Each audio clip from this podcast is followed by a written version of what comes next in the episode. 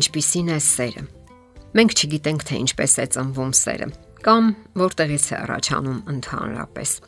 Սակայն այդ անտեսանելի զգացմունքը կարող է վերափոխել մարդկային ողջ էությունը եւ գլխի վայր շուրջ տալ մարդու կյանքի ողջ ընթացքը։ Միևնույն ժամանակ յուրաքանչյուր մարդ յուրովի կարող է ասել, թե իր մեջ ինչպես ծնվեց սերը եւ ինչպես է դրսեւորվում իր կյանքում։ Մարդուն հաճախ թվում է, որ ինքը գտել է նրան, ով իդեալականորեն համապատասխանում է իրեն։ Նա այրող սուր զգացումներ է ունենում, որոնք հրդեհում են ներսը։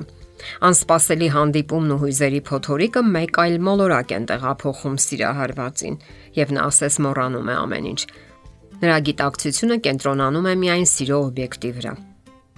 Սիրո այդ տենդը հարկադրում է նրան հավատալու, որ դա իր կյանքի ամենամեծ զգացմունքն է եւ որ իրեն կարող են հավերժ ապրել միասին եւ երբեք հիմնախնդիրներ չունենալ։ Սակայն դա հաճախ հանգեցնում է ճակատագրական սխալների եւ երջանիկ ավարտ չի ունենում։ Երբ անցնում են առաջին հրապուրանքները, դյութանքները, սիրահարները մի տեսակ ամայություն ու ներքին դատարկություն են զգում։ Սիրո մասին զրույցներում շեշտը հաճախ է դրվում այսպես կոչված փայլատակումների կամ ինքնաբուխ դրսևորումների վրա որպես թե սերը կույր է եւ չի ենթարկվում տրամաբանության կամ գիտակցականության։ Հնարավոր են դեպքեր, երբ հենց առաջին հանդիպումներից սեր է ծնվում եւ երջանիկ ավարտ ունենում ամեն ինչ, սակայն դրանք ոչ թե կանոն են, այլ բացառություններ։ Ահա թե ինչու սերը կույր լինել չի կարող։ Նա եւս ենթարկվում է բացատրությունների եւ տրամաբանական մոտեցումների։ Նաև գոյություն ունի այն կարծիքը, որ եթե փորձես բարերի վերածել հույզերը, ինչ որ կարևոր բան կարող է կորչել սիրո մեջ, որովհետև բանականությունն ու հույզերը որպես թե հակասում են միմյանց։ Սիրո մասին հետաքրքիր միտք է արտահայտում Կարլ Գուստավ Յունգը։ Ես բազմիցս բախվել եմ սիրո խորհրդին եւ երբեք չեմ կարողացել բացատրել, թե ինչ է այն ներկայացնում իրենից։ Նրա մեջ կենտրոնացած են մեծագույնն ու փոքրագույնը, հերավորն ու մերձավորը, բարձրագույնն ու խորագույնը, եւ մենք չենք կարող խոսել կողմերից մեկի մասին, անտեսելով հակառակ կողմին։ Մարդը կարող է ամենատարբեր անվանումներ գտնել սիրո վերաբերյալ եւ մտածել, սակայն դա միայն անսահման խափեություն կլինի։ Մենք հաճախ այսպիսի արտահայտություններ ենք լսում. լսիր սրտիդ ձայնին, սերը կույր է,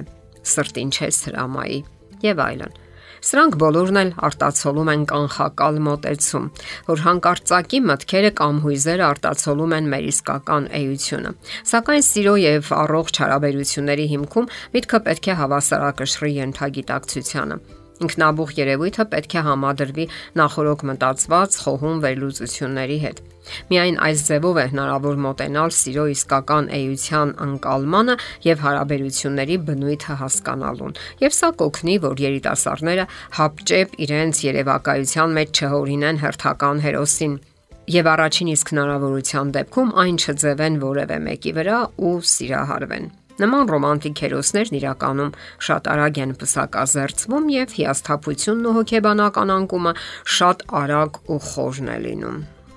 Սիրո մեջ միայն հույզերը չէ, որ դեր են խաղում։ Երիտասարդական հրապուրվածությունն ունի իր ֆիզիկական կողմը։ Սեռաբան Նատալիա Ստենյաևան գրում է. Մեր մարմինն ավելի արագ, քան բանականությունը հասկացնել է տալիս մեզ, որ եկել է մեր սերը։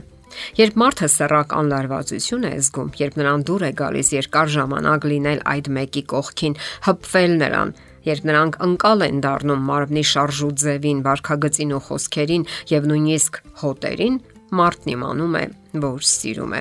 Եվ սակայն նորից նշենք, որ սա հարաբերությունների սկիզբն է եւ ամեն ինչ պետք է անցնի մտքի վերլուծության բովով որովհետև ժամանակի ընթացքում նույնիսկ ամենակրքոտ ամուսիններն են նկատում, որ սեռական հակումը նվազել է եւ սեռական հարաբերությունը դադարել է կյանքի նշանակալի մասը լինելուց։ Եվ ինչպես նկատում է ֆրանսիացի հոգեվերլուծաբան Ֆրանսուଆ Զադոլտոն, մարմինների ձգողականությունը նույնպես առանց պայմանի սիրո ապացույց չէ։ Այնուամենայնիվ, բազմաթիվ հիանալի ամուսնական պատմություններ ու սերեր սկսել են հենց առաջին հայացքից։ Դրանց երկարատևությունը կախված է կողմերի ջանքերից, թե որքանով են կարողացել խորացնել իրենց սերն ու հարաբերությունները։ Վերլուծելով եւ վերհանելով խնդիրները, շարժվել առաջ։ Նրանք կառուցել են իրենց հարաբերությունները իրական անznավորության, այլ ոչ հեքիաթային կերպարի հետ, եւ որpիսի հարաբերությունը ապագա ունենա, հարկավոր է, որ կողմերի առաջին մթագնած հայացքին հետևի երկրորդ, ավելի սթափ ու պարզապես երկրային հայացքը որովհետև դուք ապրելու եք երկրային անznավորության, այլ ոչ հորինովի ու երևակայական հերոսի հետ։ Եթերում է ճանապար երկուսով հաղորդաշարը։ Հարցերի եւ առաջարկությունների համար զանգահարել 033 87 87 87 հեռախոսահամարով։